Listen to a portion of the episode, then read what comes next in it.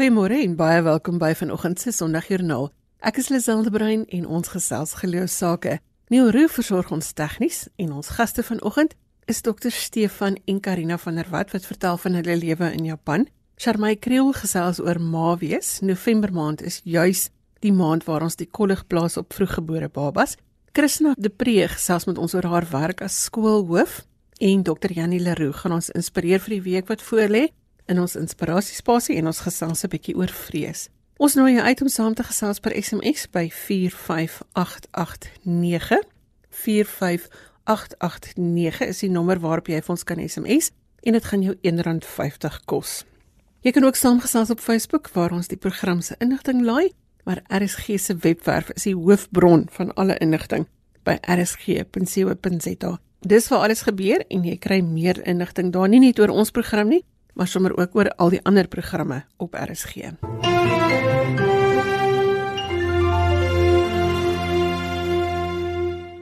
Stefan van der Walt en sy gesin bly in Kobe in Japan en ons gesels vanoggend met hom en sy vrou Karina oor hulle lewe daar. Stefan, miskien moet ons begin deur dat jy vir ons vertel van jou gesin. Goeiemôre Lisel, baie dankie. Dis 'n voorreg om saam te gesels. Ja, ons as gesin is ek en Karina en dan het ons vier kinders. Anlie en Cornelius, Lodewyk en Stefan, so tussen die ouderdomme van 12 tot 5 en ons het so 10 jaar gelede uit Suid-Afrika na Japan gekom, gestuur uit die NG Kerk. Wie is Missie Japan? Missie Japan is die amptelike sendingorganisasie van die NG Kerk familie wat plaaslik al vir amper 50 jaar saamwerk met die Gereformeerde Kerk van Japan of in kort die RCJ. En dis 'n baie lang vennootskap verhouding wat al gebou is, maar veral sedert die jaar 2000 is daar 'n tweede golf of beweging uit die NG Kerk vanuit Missie Japan gebore. Toe my skoonouers Toby en Annelie de Wet weer teruggestuur is na Japan vir 'n tweede termyn werk en ons het toe nou opgevolg in 2009 en intussen het ook uh, die Olivier gesin, dis Gys en Linda Olivier in Kochi in Shikoku Eiland bygekom. Hulle is Engelse onderwysers daar en net mooi hierdie jaar April maand Eh, het Nadine en Elmar die rand ook eh, oorgekom van Suid-Afrika en hulle is tans besig met hulle basiese Japaneese taalstudies hier in Kobe by ons. Wat doen julle in Kobe? Ja, ons is al meer as 3 jaar amper 4 hierso in Kobe waar ek veral die hoofverantwoordelikheid het om teologiese studente op te lei veral rondom pastorale sorg vir hulle gemeentelike bediening en as gesin is ons ook betrokke in ons plaaslike gemeente hier op die kweekskoolgronde Karina self is betrokke by verskeie bedieninge. Sy sal net ou meer self daaroor sê en ons doen saam ook soms uh, huweliksverrykingsseminare in verskillende gemeentes. Ek gaan ook landwyd met ander uh, seminare het sy oor verwante temas in pastorale sorg of jeugkampe rondom bedieninge met jong mense en verskeie ander uh, geleenthede rondom diakonale sorg in gemeentes. Ek is ook betrokke by 'n organisasie wat uit die RCJ gebore is wat baie spesifiek fokus op gestremde mense en ja, dan uh, sit ons werk in Kobe maar ook baie weier is dit is het ek self 'n klompie verantwoordelikhede rondom skakeling met Suid-Afrikaanse ondersteuners en om 'n brug te bou tussen die NG Kerk familie en die Gereformeerde Kerk in Japan. Het die rugby wêreldbeker enige invloed op julle gehad? Ja, beslis, dit was 'n groot ervaring om van deel te kon wees. Eenmal in 'n leeftyd, die oë van die wêreld was op Japan soos nog nooit tevore nie en eh, Japan en die Japaneese mense was opnuut bewus van die wêreld in hulle midde hierso op verskillende maniere die bande tussen spanne wat gebou is maar veral tussen Suid-Afrika die Springbokke en die Japaneese span wat ons dan nou gewen het in die kwart eindronde en daar's 'n nuwe respek uh, lyk dit vir ons op 'n manier vir Suid-Afrika as gevolg van die spesifieke wedstryd wat gespeel is en die opwinding daar rondom. Ons kinders self is betrokke by 'n rugbyklub en dit het 'n invloed daar gehad op hulle verhoudinge met hulle maatjies. Soveel so dat selfs van hulle maatjies vir die eerste keer gekom het na ons Sondagskool by die kerk waar ons hulle kon na toe nooi wat ek dink nie voorheen sou gebeur het noodwendig nie. So die Springbok het ons groot guns gedoen in daai opsig. Dit was 'n voorreg om van hulle te kon ontmoet ook. Een oggend het ek gaan preek in Hiroshima en ek was op pad met die trein en hier staan 'n paar Springbokke reg voor my. Hulle was op pad na 'n ander plek toe vir die dag, 'n afdag gehad en ons kon lekker gesels. Ons kon selfs eh, 'n wedstryd of twee van hulle sien in Kobe waar ons woon. So dit was net 'n groot opwinding geweest om hulle hierso te hê vir so 'n tyd. En ja, die inspirasie wat dit gebring het, dink ek sal nog lank hierso beleef word. Mense wat nooit ook in rugby belang gestel het nie omdat dit nie 'n tradisionele sport is van Japan so sumo of baseball of sokker nie is nou skielik rugby kenners en stel belang en wil gesels daaroor. So dis definitief 'n gesprekspunt waar ons gekom het die afgelope tyd of dit nou in treine was of op straat of in kerke. Uh, daar is daaroor gons en daar is gebruis van opgewondenheid. So ons sal die golf nog 'n rukkie ry hierso en uh, ons sal dit geniet en ons is baie trots en dankbaar om deel te wees van die gebeure eh, vanuit die Springbokke se oogpunt en die groot wen uh om die Engelanders so te oorrompel in die finaal. Karina, wat was die grootste uitdagings vir jou in Japan? Ek vermoed dat een van die grootste uitdagings in Japan vir Japaneese is 'n gevoel van eensaamheid of dan isolasie.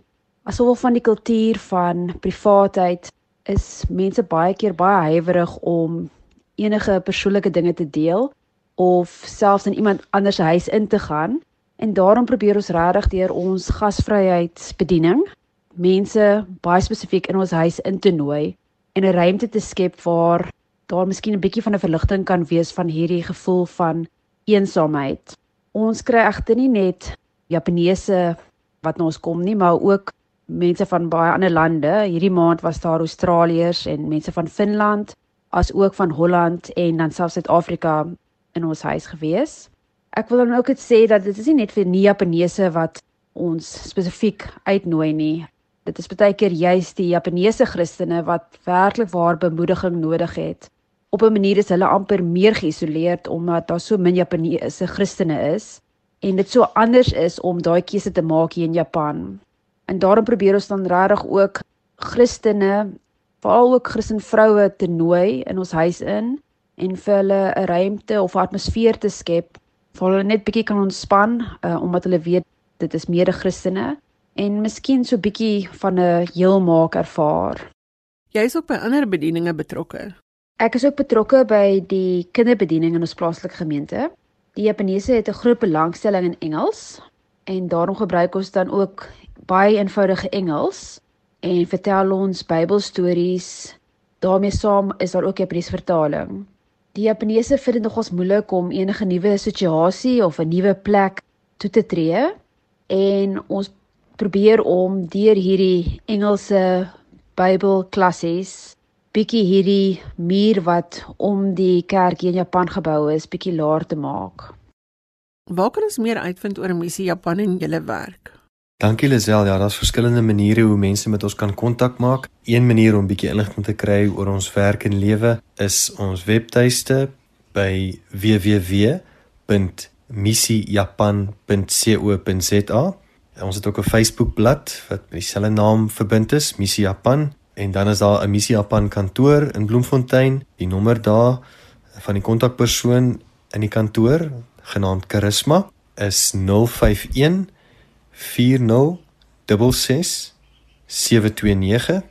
Wanneer kom julle nou weer in Suid-Afrika kuier? Ja, Lazel, dankie. Ons is op pad na Suid-Afrika volgende jaar in die middel van die jaar, 2020 van ongeveer Junie maand tot September. So vir ongeveer 3 of wat maande sal ons in die land wees en beskikbaar wees om mense te besoek wat ons ondersteun, het sy individue of gemeentes of groepe. En as enigiemand met ons wil kontak maak, is hulle baie welkom. Hulle kan ook my skakel by my e-posadres. Dit is jsvdwatt@gmail.com. Skakel ons gerus, ons sal graag van julle hoor en baie dankie weer eens vir die geleentheid. Ons het gehoor van Dr Stefan van der Walt en sy vrou Karina oor hulle lewe in Japan.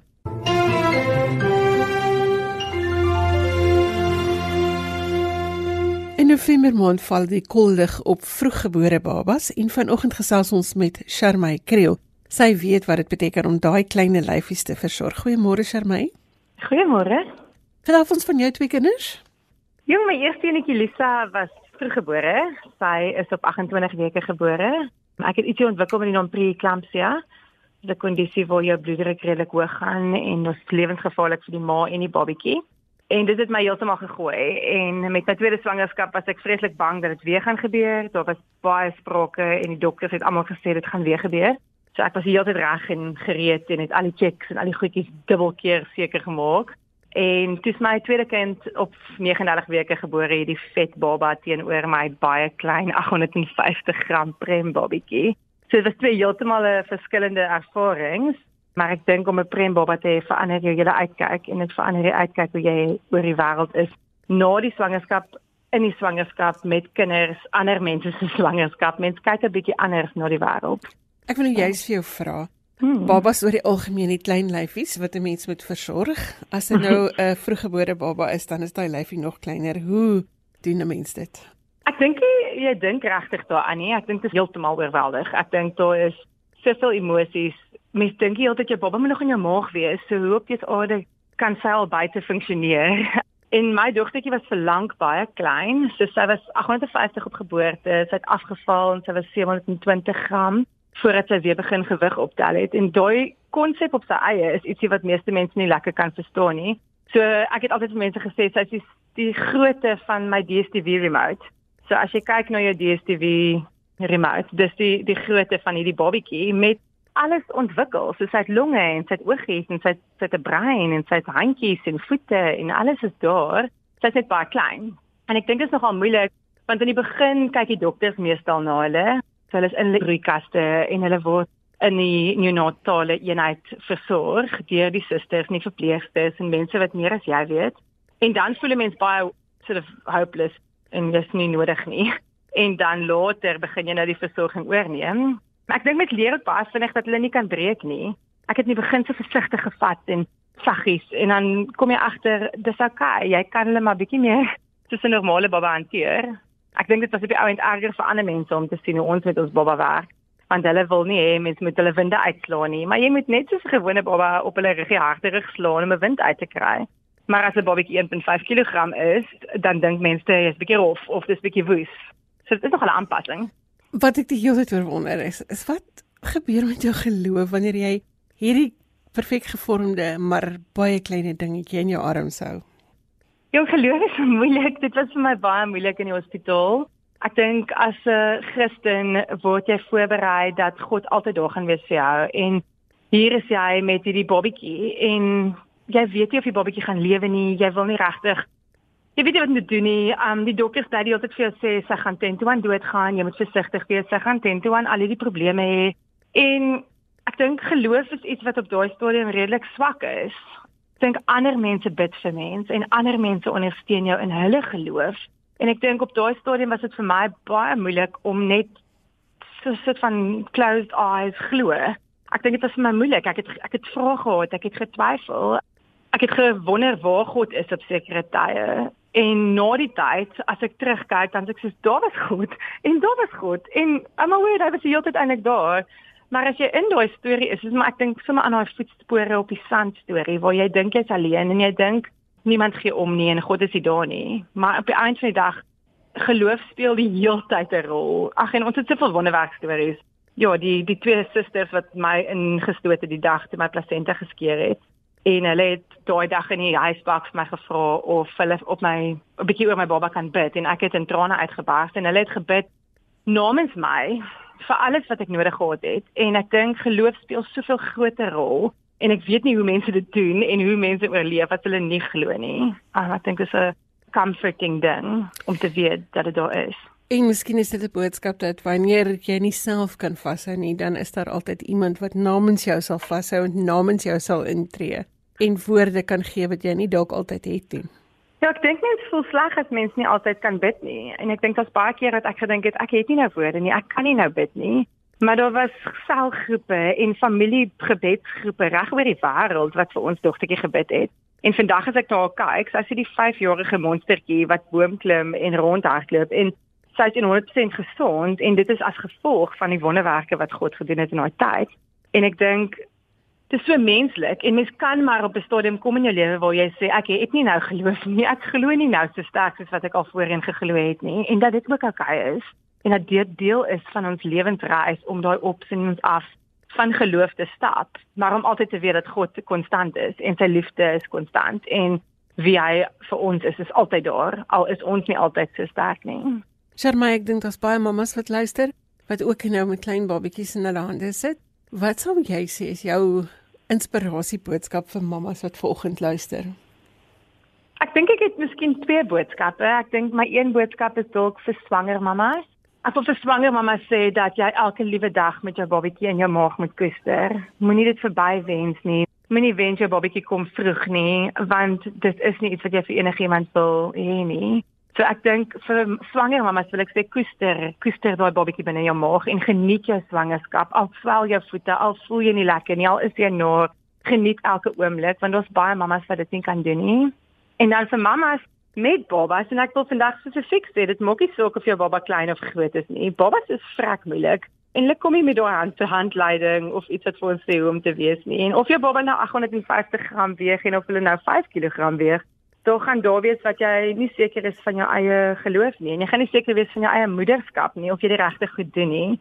So my boodskap vir maats is vind jou tribe. Ek het so 'n ongelooflike groep mense rondom my wat my ondersteun en mense wat soortgelyk as jy dink, maar ook mense wat jou jou uitdaag in die manier van hulle hulle dinkwese en die goed wat hulle sê en die goed wat hulle vir jou wat hulle baie keer met jou bietjie challenge. Dis ook belangrik, maar ek wil hê vind jou eie soos roete. Maak seker dat jy luister na die advies, maar luister na daai stemmetjie binne in jou, want net jy weet werklik wat goed is vir jou kind en net jy weet werklik wat om te doen en wat die regte ding is vir jou baba.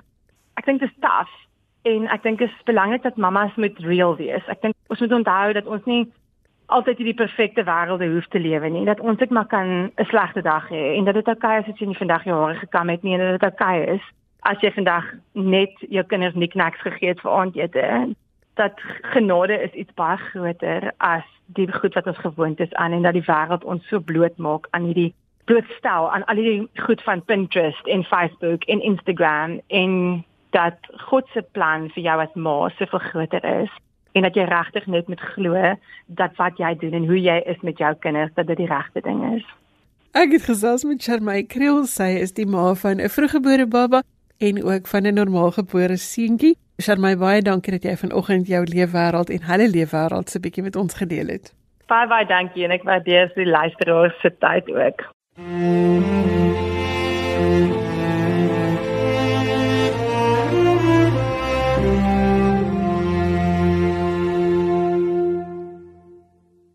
Goeiemôre hier vanuit Kaapstad. Jy luister na Sondagjoernaal en ons soek al die positiewe stories waar geloof 'n verskil maak. As jy een van daardie stories het, kan jy gerus van jou laat hoor. My e-posadres is lizel@wwmedia.co.za. Ek gee dit weer aan die einde van die program. Ons gesels geloofsake tot net kort voor 8uur wanneer ons oorgee vir die nuus. Christina de Pre skoolhoof by Life Community Services en ons gesels vanoggend oor haar geloofspad en die rol wat geloof in haar werk speel. Goeiemôre Christina. Môre Lisel, voorreg om met jou te gesels. Wat gebeur alles by Life Community Services? Weet jy Life Community Services is 'n groot sambreel. Dit is 'n gedeelte wat dit in George en alles val onder dit. Daar's 'n hele wat daar was hier speetjies wat onder die groot sambreel val. Ons het 'n tuin waar ons uh, groentes in in in kossies verwerk. Ons het 'n kombuis waar daar gemiddeld 1000 kinders 'n dag kos kry en dan het ons die skool wat ook ontstaan het uit 'n behoefte uit. Ons het vier kleuterskole in life en dan het ons ook 'n gedeelte IC pool waar hulle klere maak van seswe materiaal. Dit is 'n groot organisasie. Jy het gesê die Here het met jou op pad gestap om jou as skoolhoof by die skool te kry. Watter rol speel geloof in jou lewe en veral byvoorbeeld om nou hierby betrokke te wees? Weet jy, Lisel, dit was 'n lang pad. Mense geloof gaan mos maar deur moeilike tye en soms heelwat uitdagings en teleurstellings.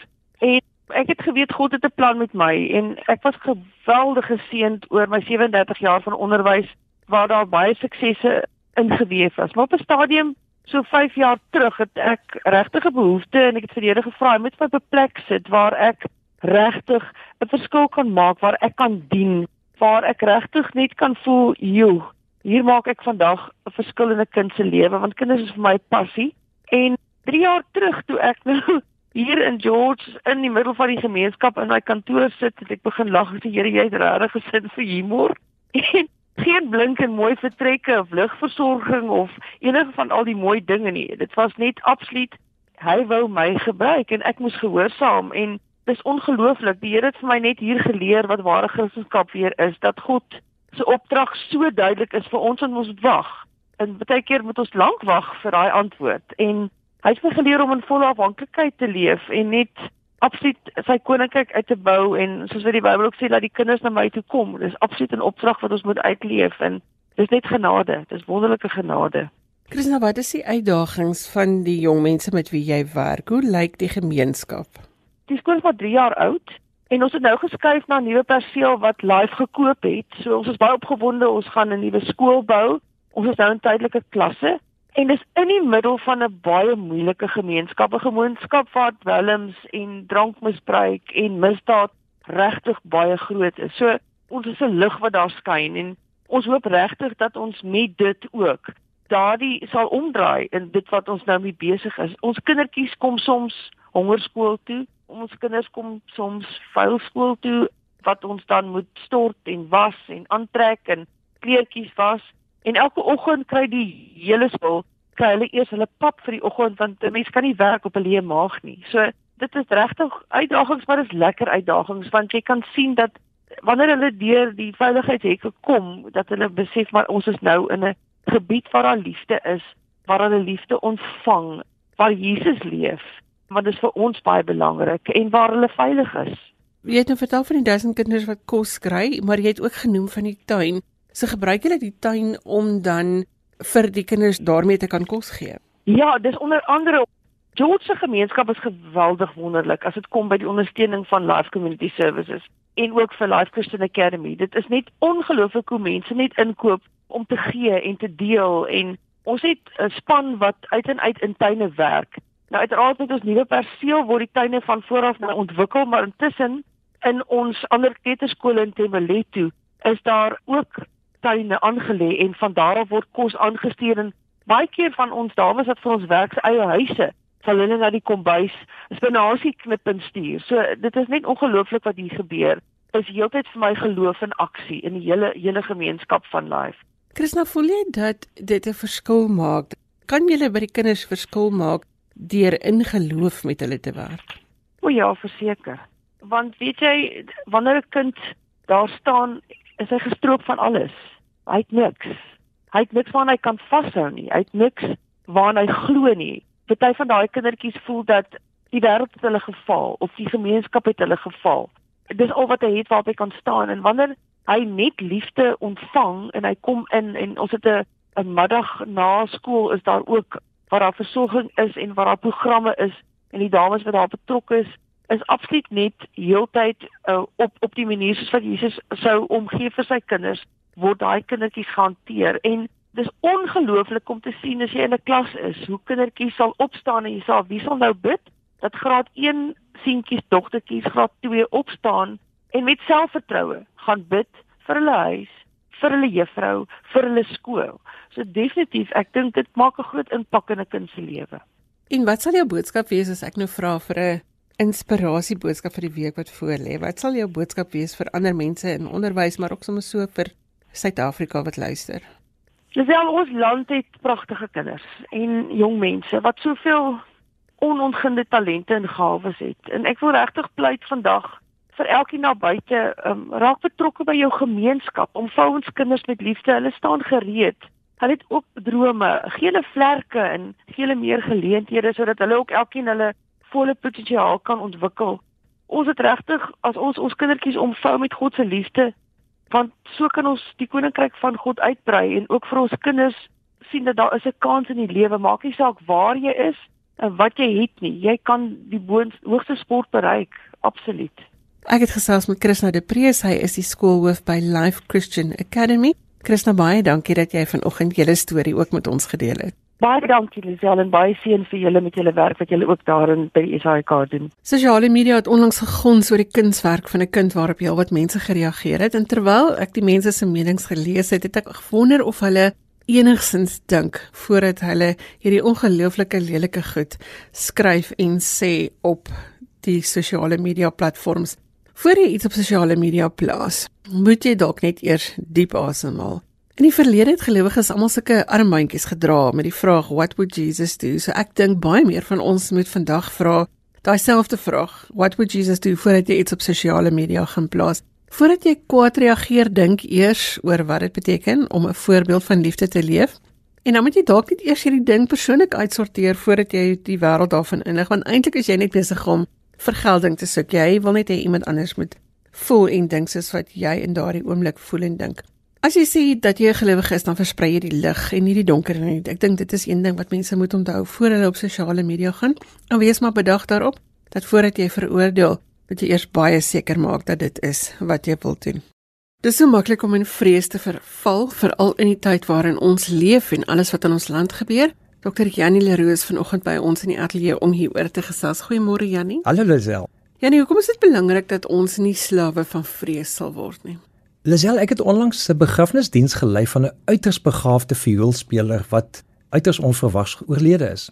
En ek hoor die mooi woord vir screensaver is 'n sluimerskerm.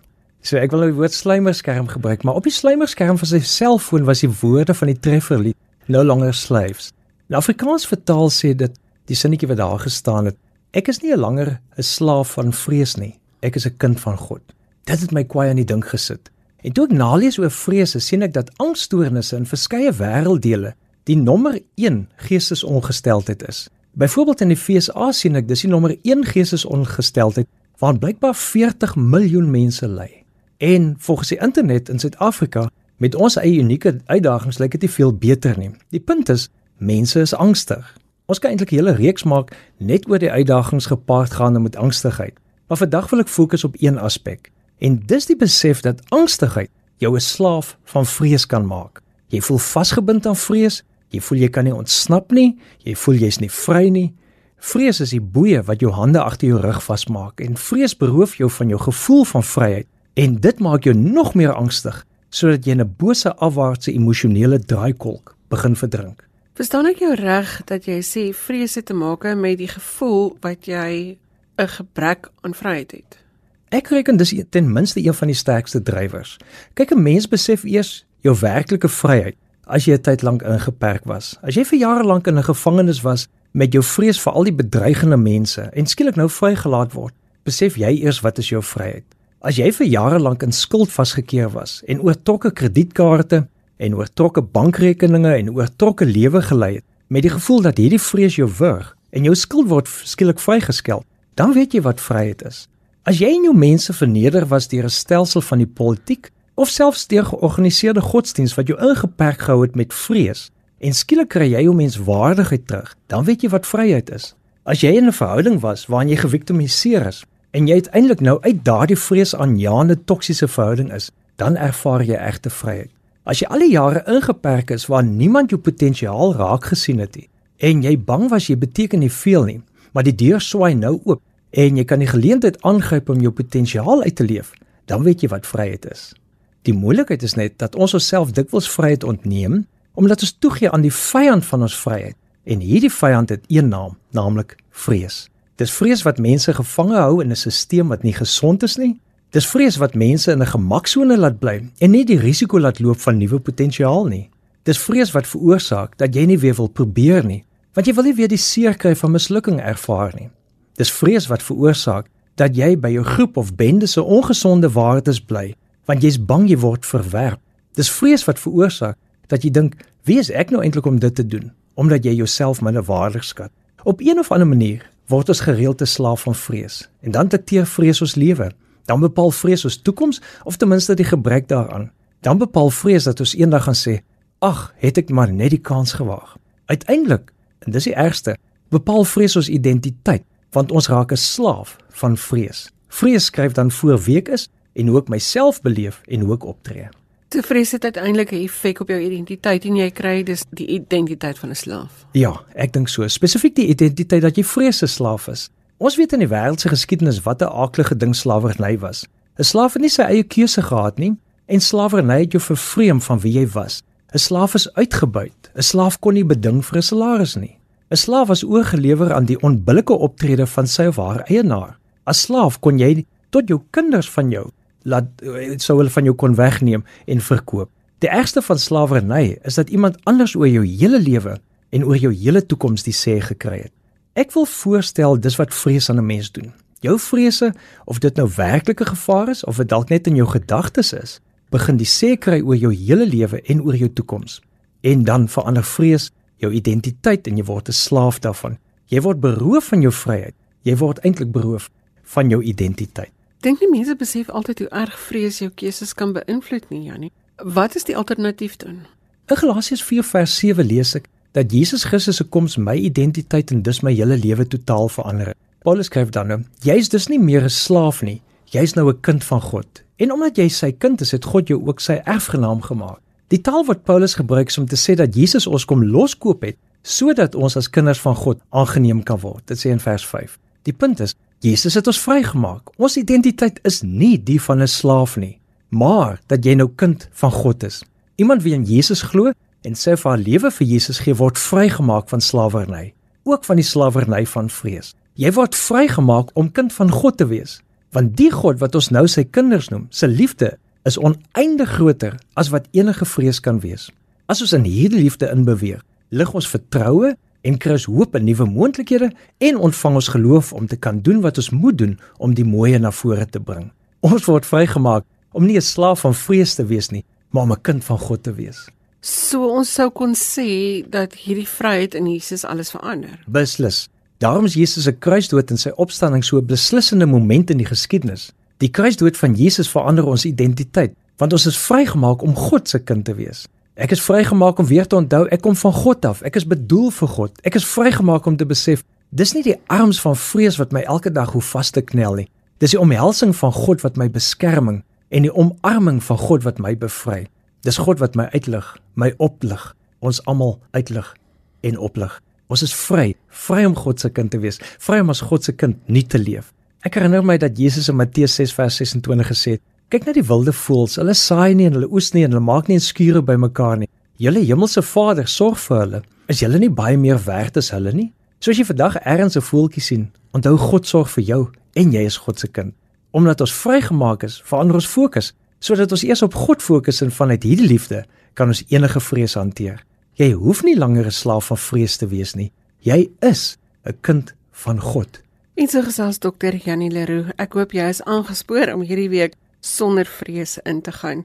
Jy kan meer gaan lees op Janie se blog oor die inspirasiestukkies wat hy skryf. Die adres daar is janieleroux.co.za.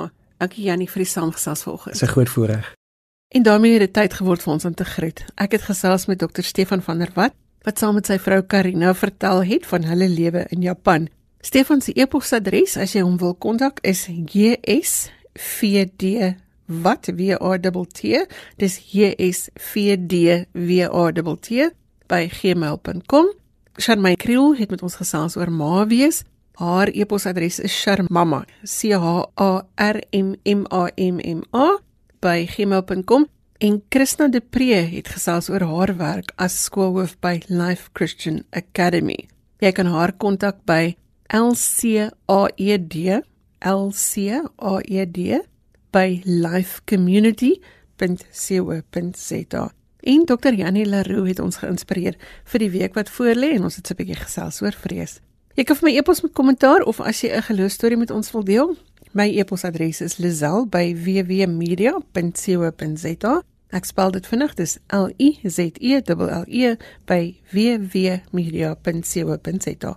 Tot volgende week groet ek met musiek en ook die hoop dat jy 'n verskil sal maak in iemand se lewe, dat jy in liefde sal uitreik en dat jy iemand se dag sal makliker maak. Tot volgende week sê ek en Neil, totsiens.